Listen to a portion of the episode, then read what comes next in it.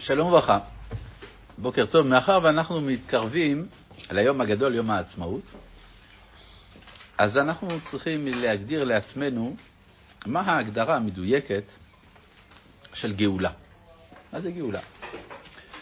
עכשיו, יש כמה אופנים להגדיר אה, כל דבר שאנחנו רוצים להגדיר, אפשר להגדיר אותו בשני אופנים, או באופן חיובי, או באופן שלילי. כלומר, או שאתה מגדיר את הדבר עצמו, או שאתה מגדיר את ההפך שלו. מתוך כך, אתה גם מגדיר אותו. הגדרה על דרך ההפך. אז לעניין גאול, גאולה, ניתן גם להגדיר גאולה על ידי גלות. כלומר, אם אתה יודע מהי גלות, מה שהפוך מגלות יקרא גאולה. מה, מי שעוסק בזה הוא המהר"ל מפראג, בפרק הראשון של ספר נצח ישראל, שם הוא נותן לנו הגדרה של הגלות, ומתוך כך גם מתברר מהי הגדרה של הגאולה. אז אני כאן אה, קורא בפרק א' של נצח ישראל. אינני יודע אם נעסוק בכולו, אבל נעסוק לפחות בחלקו העיקרי. אומר כאן המהר"ל, כאשר הדבר הטוב, הדבר הטוב נודע מהפקו, ידיעה אמיתית. כלומר, אם אתה יודע את ההפך, אתה יודע באמת מהו הדבר הטוב שאתה רוצה לדבר עליו, וכן, כל הדברים נקנה הידיעה בהם מן ההפך. כי מן מראה השחור יכול לדעת מראה הלבן, שהוא הפקו. וכן, כל ההפכים מן האחד נקנה הידיעה בהפך שלו. ומוסכם הוא כי ידיעת ההפכים הוא אחד. מה זאת אומרת ידיעת ההפכים הוא אחד? שהדבר והפקו זה אותה קטגוריה. למשל, שחור ולבן שייך לאותו נושא. לעומת זה, שחור ואדום לא שייך לאותו נושא. ההפך של האדום זה לא השחור. שחור זה לא הפוך מאדום. אבל שחור ולבן שייכים לאותה קטגוריה, כל אחד בצד שלו, כמו שני צידי מטבע. מה? אתם יכולים ככה לדעת הגדרה של כל אחד מה הוא כן, לדעת מה ההפך שלו. בדיוק. או אפשר להגיד מה ההפך, ואז מאיזה לדעת? מה? אתה לא צריך לדעת רק לפי ההפך, אתה צריך לדעת קודם כל מה הוא כן, לדעת מה ההפך שלו בדיוק. אפשר הפוך. כי אדום ושחור זה גם, אתה יכול להגיד שני צבעים. שני צבעים, הם שני צבעים, זה נכון. שחור ואדום זה שייך לצבע, זה נכון. אבל הם לא ממש שייכים לאותו סוג של צבע. לעומת זה, שחור ולבן זה אותו סוג. נכון, בגלל זה צריך לדעת ההגדרה המדויקת של כל אחד, מה הוא כן, לדעת מה ההפך שלו. כן, אבל אז יש לך בעיה, כי אה, אה, אתה לא תוכל להגדיר עד שאתה לא תדע את השני. אז זה מין אה, מעגל קסמים כזה. טוב. ובשביל זה אמרו בערבי פסחים, בהגדה, מתחיל בגנות ומסיים בשבח. ולמה מתחיל בגנות? רק מפני שאין לה שבח הכרה אמיתית, רק מן ההפך. כלומר, אתה צריך לדעת ממה יצאת, ואז מילא אתה יודע גם מה השבח של מה שהגעת אליו. לכן אין לפרש עניין הגאולה האחרונה, אם לא שנבהר עניין הגלות והחורבן, שבזה ייוודע הטוב והתשועה שאנו מקווים, כלומר, בימיו קיוו. כן. וכאשר אנו באים לבאר עניין הגלות, ידיעה אמיתית, צריך לבאר קודם הסיבה לגלות, והדברים השייכים אל הגלות. כן? כדי להגדיר דבר, אז יש לנו עיקרון מאריסטו שהדבר ניכר על ידי סיבתו. אז גם אומר המהר"ל, אתה צריך לדעת מהי הסיבה של הגלות. ועוד שיש לבאר עניין הגלות תחילה, כי הגלות בעצמו הוא ראייה והוכחה ברורה על הגאולה. זה דבר מאוד עניין. זאת אומרת, איך הגלות היא ראייה על הגאולה. אם אתה אומר על מישהו שהוא חולה, סימן שאתה מצפה שהוא יהיה בריא. כן? אי אפשר להיות חולה תמיד. אם למשל אדם הוא חולה מיום לידתו עד יום מותו, אז זה לא מחלה. זה, זה, זה מצבו הטבעי. אלא אם אתה אומר לפעמים הוא חולה, לפעמים הוא בריא, אז המחלה מעידה על הבריאות. כמו כן גם, לא ייתכן עם שנמצא בגלות באופן נצחי. כי אם הוא באופן נצחי בגלות, אז הוא כבר לא בגלות. זה מצבו. כן, למשל הצוענים. הצוענים הם עם נודד, ואי אפשר לומר שהם בגלות, הם לא בגלות משום מקום, הם עם נודד. אז זה מה שאומר גם פה, אז, אה, כי הגלות בעצמו הוא ראייה והוכחה ברורה על הגאולה, וזה כי אין ספק, כי הגלות הוא שינוי ויציאה מן הסדר. שהשם יתברך סידר כל אומה במקומה הראוי לה, וסידר את ישראל במקום הראוי להם שהוא ארץ ישראל, והגלות מן מקומם הוא שינוי ויציאה מן הסדר, ויציאה לגמרי. וכל הדברים, כאשר הם יוצאים ממקום הטבעי והם חוץ למקומם, אין להם עמידה במקום הבלתי טבעי להם, רק הם חוזרים למקום הטבעי. כי אם היו נשארים במקומם הבלתי טבעי להם, היה הבלתי טבעי נעשה טבעי, ודבר זה אי אפשר שיהיה בלתי טבעי נעשה טבעי. משל לזה, כאן הוא משתמש במושגים של הפיזיקה הישנה קצת, אם אתה מכריח את חלק האש שיהיה עומד בארץ, שמקומו הטבעי שלו הוא למעלה, ואתה מכריח אותו חוץ למקום הטבעי להיות עומד למטה, וכן, הארץ מקומה הטבעי למטה. ואם אתה מכריח את חלק ממנה לעמוד למעלה, אם היה נשאר עומד שלא במקום הטבעי, כבר היה בלתי טבעי נעשה טבעי. טוב, זה מושגים שמתאימים לפיזיקה הישנה, לא של, שלנו היום, אבל לא נורא. וכן, ישראל בעצמם, אם היו עומדים בגלות לעולם, שאין זה מקומם הראוי להם. כי מקומם הראוי להם, לפי סדר המציאות, להיותם בארץ ישראל ברשות עצמם ולא ברשות אחר, כמו כל דבר ודבר מן הנמצאים הטבעיים, יש להם לכל אחד מקום בפני עצמו, כמו שגרזרו חז"ל, אין לך דבר שלא מקום.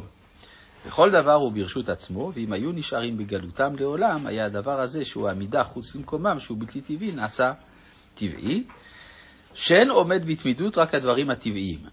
כי הטבע שנתן השם יתברך לכל דבר ודבר, מקיים אותו עד שהוא מקוים, עומד תמיד, ואם הדבר הבלתי טבעי קיים תמיד, גם כן, אף כי אינו כסדר וכתבה המציאות, היה הטבע ההוא דבר מותר ובטל לגמרי, לא צורך, ודבר זה לא ייתכן. כלומר, ההגדרה הראשונה של גלות, לפי הדברים שתוך כדי שהוא, שהוא אומר את הדברים, הגדרה של הגלות, לא להיות במקום. כן? כלומר, להיות מחוץ למקומך, זה נקרא גלות. האם זה המרכיב היחיד? אנחנו נראה שלא. לפי המהר"ל, יש שלושה מרכיבים להגדרה של גלות. הגדר... המרכיב הראשון, מחוץ למקום. הדבר השני, הפיזור. וכמו כן הפיזור אינו דבר טבעי, וכמו שחוזר כל דבר ודבר אל מקומו, כך חוזרים החלקים המפוזרים והנפרדים להיות כלל אחד. ודבר זה מבואר לכל אדם אשר הוא בן דעת, כי כל החלקים עניין אחד להם, ואם כן, למה יהיה חילוק ביניהם ולא יתאחדו? מאחר שהם דבר אחד. לכך כל פיזור עומד להתכנס יחד. למשל, אם אתה רואה משחק הנקרא פאזל, אז כל, כל אדם שיתבונן קצת בפאזל יראה שזה חלקים של תמונה. הדבר המתבקש זה להרכיב את התמונה. אז גם כן, אם אנחנו רואים אומה מפוזרת, אבל האומה המפוזרת, כל חלק שיש לה, יש לו שייכות אל החלק השני, אז זה ברור שבשלב מסוים הם יצטרכו להתאחד. ולפיכך, פיזור ישראל בין האומות הוא דבר יוצא מן הטבע, שמאחר שהם אומה אחת, ראוי שיהיו עומדים יחד להיות אחד. כמו שתמצא, כל הדברים הטבעיים אינם מחולקים לשניים, רק הם מתקבצים ביחד. וכן, כל הנחלים הולכים אל הים, להיות מתקבצים, ואין דבר אחד מתחלק. וכאשר האומה הישראלית אומה אחת, בלתי מחולקת ומופרדת יותר מכל האומות, ראוי שיהיו מקובצים יחד. ומזה נראה כי הפיזור להם בפרט אינו טבעי כלל. עכשיו פה הוא הוסיף איזו נקודה חשובה, להם בפרט. כי לכל אומה, אפשר לומר, יש ערכי יסוד, ערכים שאפשר לומר שמהווים את האתוס של, ה, של האומה הזאת. עם ישראל, אפשר לומר, הסיסמה של עם ישראל זה האחדות. אז יותר מכל אומה, הפיזור הוא לא טבעי. כן, גם הרב קוק אומר באורות הקודש, שלנו בפרט, הפיזור הוא דבר חולף, לא ייתכן, הוא דבר שהוא נגד הטבע שלנו.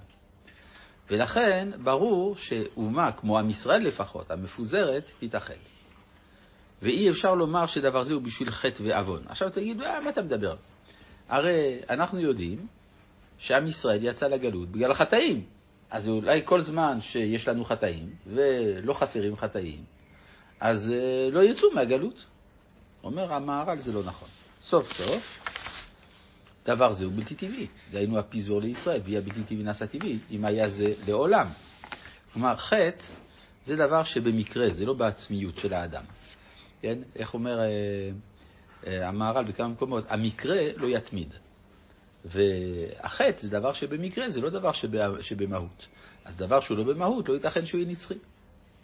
גם הרב קוק אומר שכל דבר שבא בעקבות חטא, יש לו סוף. ולכן, למשל, זה שהבכורות נפסלו מן, אה, העבודה, זה היה בעקבות חטא העגל. אז כיוון שזה בעקבות חטא, ברגע שיתוקן החטא, יחזרו לעבודה. כלומר, זה דבר שהוא תולדה של מעשה מקרי, לא ייתכן שיהיה נצחי. אז גם הגלות, אומנם יצאנו לגלות מפני חטאינו, אבל לא ייתכן שהדבר הזה יימשך לנצח. אז אם כן, יש לנו מרכיב שני להגדרה של גלות, הפיזור.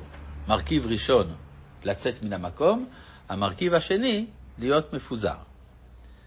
והמרכיב השלישי, הוא, אנחנו פה ניגשים אל המרכיב העיקרי, ועוד, כי לפי סדר המציאות אין ראוי שתהיה אומה משעבדת באחרת, להכביד עול עליה.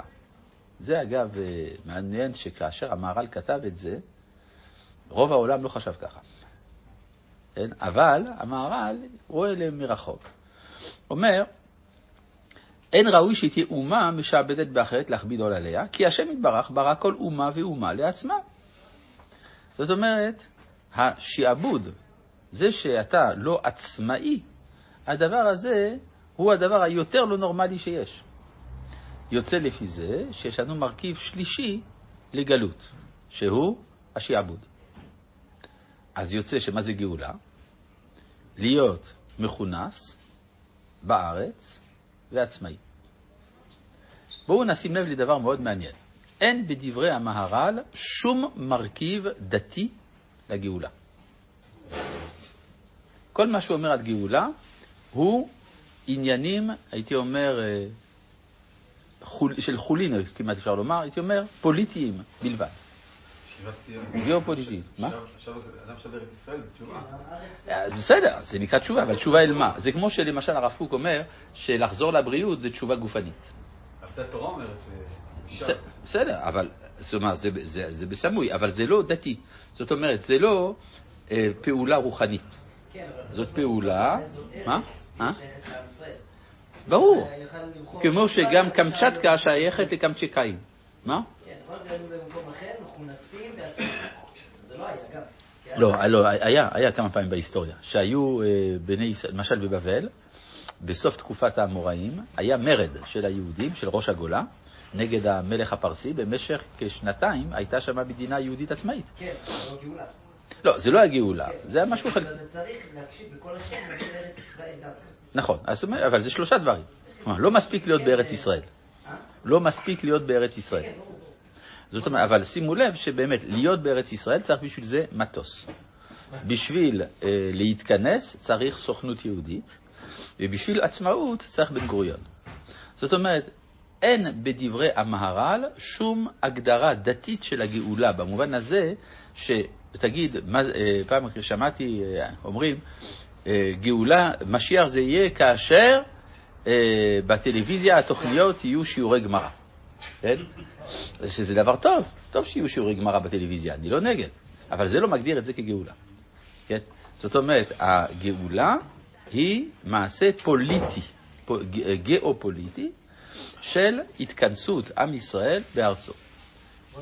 כן. לא אי אפשר לעלות. מה? אי אפשר מה? אתה אה? יכול לחזור לארץ ישראל בלי ערכים של... אה, תוכיח לי. פה הוא לא אומר את זה. בלי תנ"ך. מה? איך תגרום לעם ישראל לחזור בלי אה, תנ"ך? בסדר, התנ"ך הוא באמת, אפשר- מה הספר הלאומי שלנו, איך אמר בן גוריון? והנחיל לעולם כולו את ספר הספרים הנצחי. כן, ככה הוא אמר. אז מה? אפשר לנתק את הרע. כן, אבל מה ההגדרה של הגאולה? ברור שלגאולה יש ערך של קודש, זה ברור. השאלה היא, מה מגדיר דבר כגאולה? מהו המצב הנקרא גאולה? המצב הנקרא גאולה הוא מצב שבו עם ישראל מכונס ועצמאי בארצו. זה מה ש... זה הגדרה. אחר כך, על גבי זה, מתוך זה, מתגלים ממדים הרבה יותר עמוקים. חוזרת השכינה לציון, יש נבואה, יש בית המקדש, יש כל מה שאתה רוצה. אבל יש, יש בסיס. כמו למשל, כדי להיות אה, גדול הדור, צריך קודם כל להיוולד. להיוולד זה פעולה שנעשית בחדר לידה. בסדר? האם אה, אה, בשביל להיוולד צריך להפוך, לדעת כך וכך דפי גמרא? תשובה, לא. צריך להיות עובר בריא שיוצא מהרחם של אמו. בסדר? אז זה בדיוק כן, אותו... אבל לפני, מה? לפני הלידה, בתניא הקדושה כתוב שהוא רוצה להישאר כי ברור, ברור, ברור. הנשמה יודעת הכל. ברור. לא מה שאתה. אומר זה שיש פיתוי להישאר בגלות. נכון, פיתוי רוחני. כן, מה אתה אומר? כן, לא, אה, אה, מה שעוד, סליחה, אני, אני, אני קצת חוזר על, מה שהרב ה- המושג טבעי מאוד, מאוד קשה לי אם אני לוקח פסיך של היסטוריה. בסך הכל, אנחנו אף פעם לא היינו, כמעט ולא היינו במצב טבעי לפי ההגדרה של הרב. נכון, נכון. זה, זה, זה, זה, זה נראה לי, אולי כן. הרב מתכוון אה, מה ש...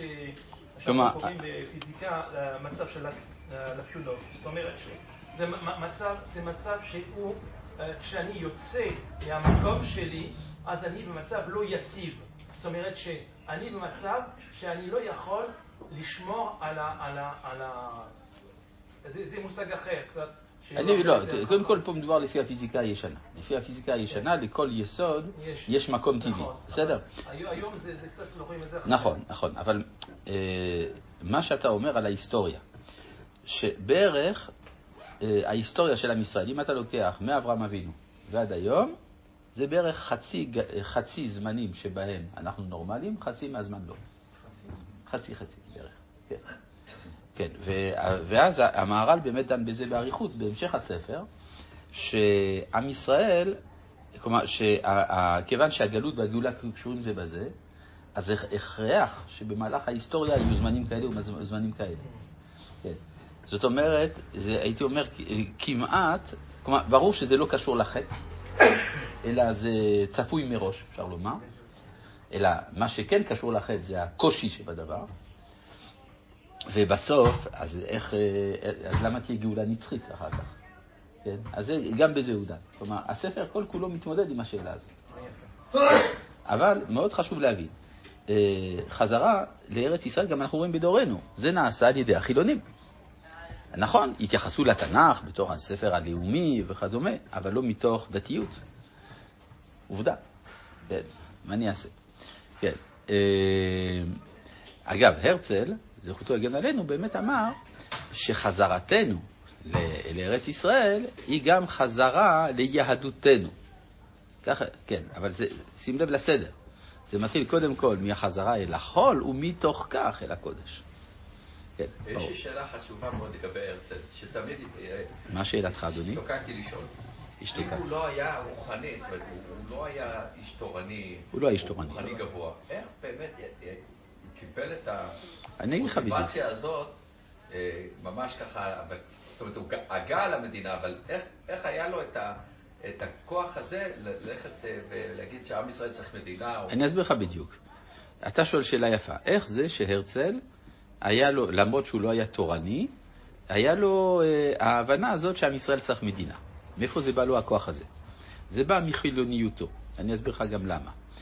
לפני אה, שהרצל קם, היו תנועות מעין ציוניות. היה חובבי ציון, היה דורשי ציון, עשו פה עבודה, גם אה, הקימו יישובים פה. זאת אומרת, הרצל לא פועל בחלל ריק.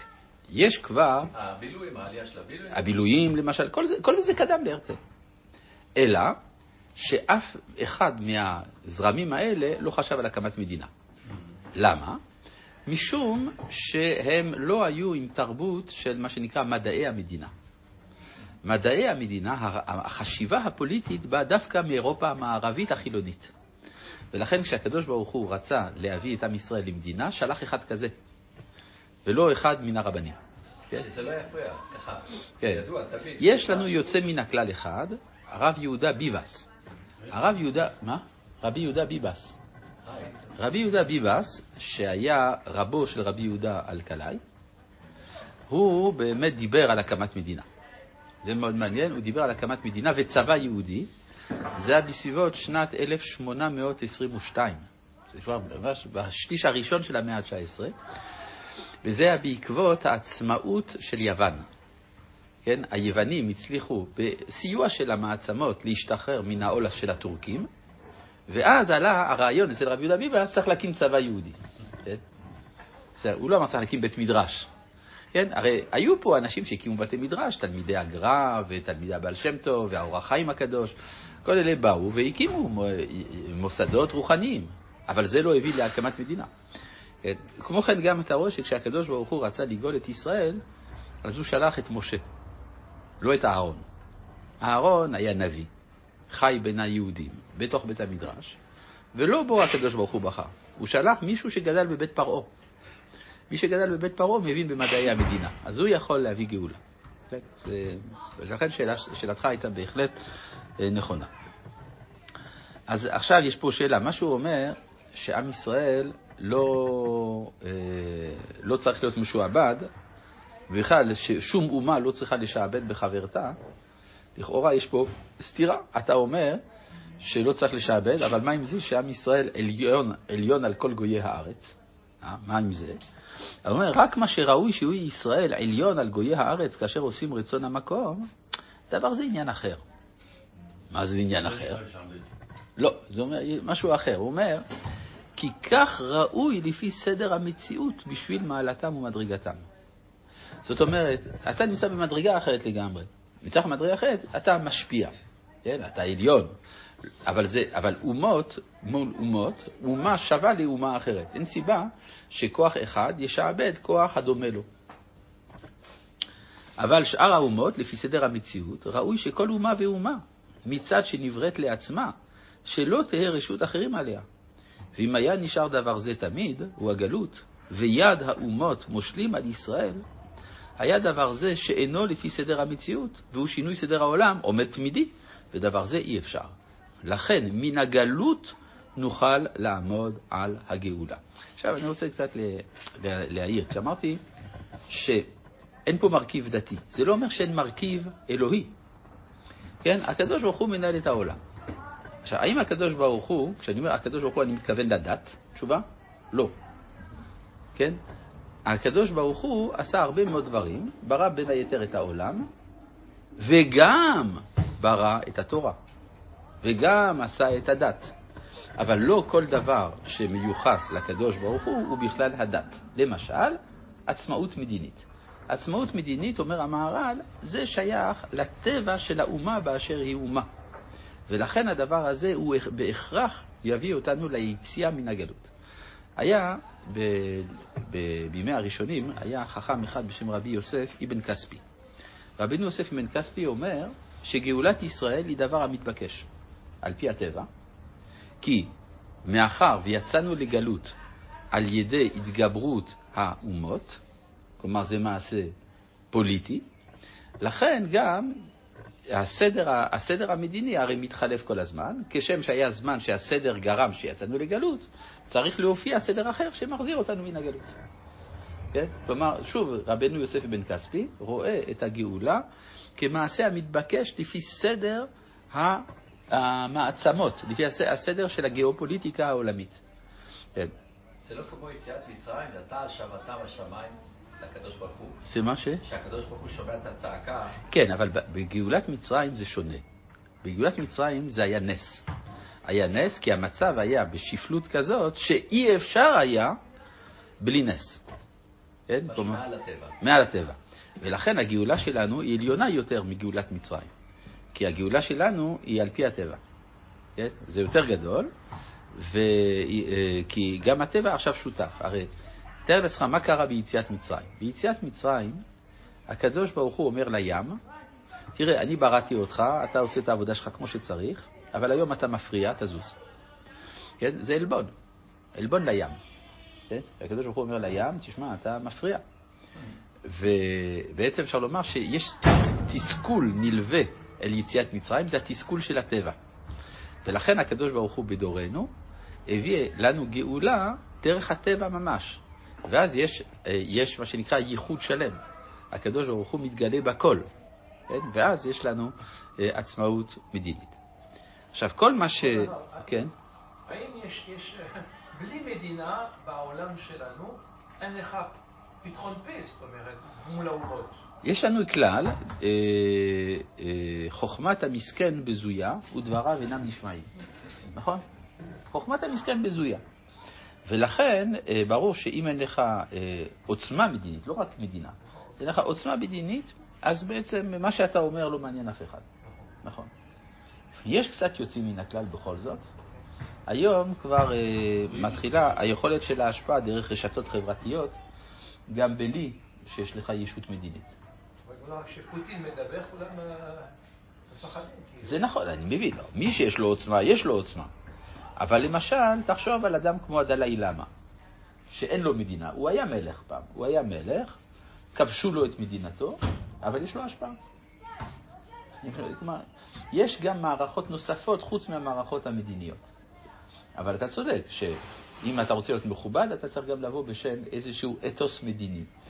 וזה מה שמדינת ישראל עושה. לכן גם הנביאים אומרים שכשישראל חוזרים לארץ, אז ונקדשתי לעיני העמים. כלומר, העמים פתאום מתחילים לומר לעצמם, וואי, מה קורה פה? ואז מוכנים להקשיב לתורת ישראל. זה לא הפוך, זה לא שיש קודם כל השפעה של תורת ישראל, ומתוך כך מדינה. ההפך. כן. חוץ מכמה, היו כמה נוצרים שעזרו להקמת המדינה, בהחלט, אפילו עזרו להרצל, מתוך מחשבות אמוניות. אבל זה היו אלה ממש יחידים, כן, כמעט על גבול המוזרות, אפשר לומר. איזה תנועה נוצרית זאת? מורמונים? לא, לא, לא, לא. היו, טוב, לא ניכנס לאלה. אה, אבל אה, היו אה, כיוונים כאלה גם כן. למשל, בלפור. בלפור עזר לקבלת הצהרת בלפור, אז זה לא התחיל ממנו, אבל זה התחיל מקבוצה של אנשים באנגליה, שהיה להם חזון תנכי. הם חשבו שזה חשוב לתיקון העולם שעם ישראל יחזור לארץ. ולכן הם פעלו בכיוון הזה. כן. אגב, יש מאמר של הרב קוק על בלפור, שבו הוא מסביר... כן, כן. הוא, אגב, כשהייתה הצהרת בלפור, הרב קוק, שהיה אז בלונדון, הזמין את בלפור לבית הכנסת, ועשה כנס גדול כדי להודות לו וכו', ואז הוא אמר, אני לא רוצה להודות למדינת בריטניה, כי הם עשו את מה שהם צריכים לעשות, אלא אני מברך אותם על זה שהם עשו מה שצריך לעשות. כן, עכשיו, שם במאמר של הרב קוק על בלפור הוא מסביר איך הגויים קוראים בתנ"ך. מאוד מעניין. הוא אומר, התנ"ך זה כמו מגילה, והשאלה מאיזה צד אתה קורא. אתה קורא מצד הכתב או אתה קורא מאחורה. אנחנו קוראים מצד הכתב והם קוראים מאחור. אבל זה גם זה קריאה מסוימת, אבל מהצד האחורי. מעניין. טוב, אחר כך המהר"ל מסביר שכל הנושא הזה, ש... כלומר, אם זה נכון מה שאמרנו, שבתוך הגלות נמצא היסוד של הגאולה, יוצא שלכל אורך הגלות צריך להימצא ניצוץ של גאולה בתוך הגלות. הניצוץ הזה הוא הנקרא במדרשים רחל מבכה על בניה. רחל מבכה על בניה, או אצל המקובלים נקודת ציון הפנימית, כן? וכאן המהר"ל מרחיב בדבר הזה, ואת זה אני משאיר לכם לקרוא בזמנכם החופשי, אני מקווה שנתתי לכם קצת תיאבון. רבי חנניה בן הקשיא אומר, רצה הקדוש ברוך הוא לזכות את ישראל, לפיכך הרבה להם תורה ומצוות, שנאמר, אדוני חפץ. בוא יגיל תורה ויד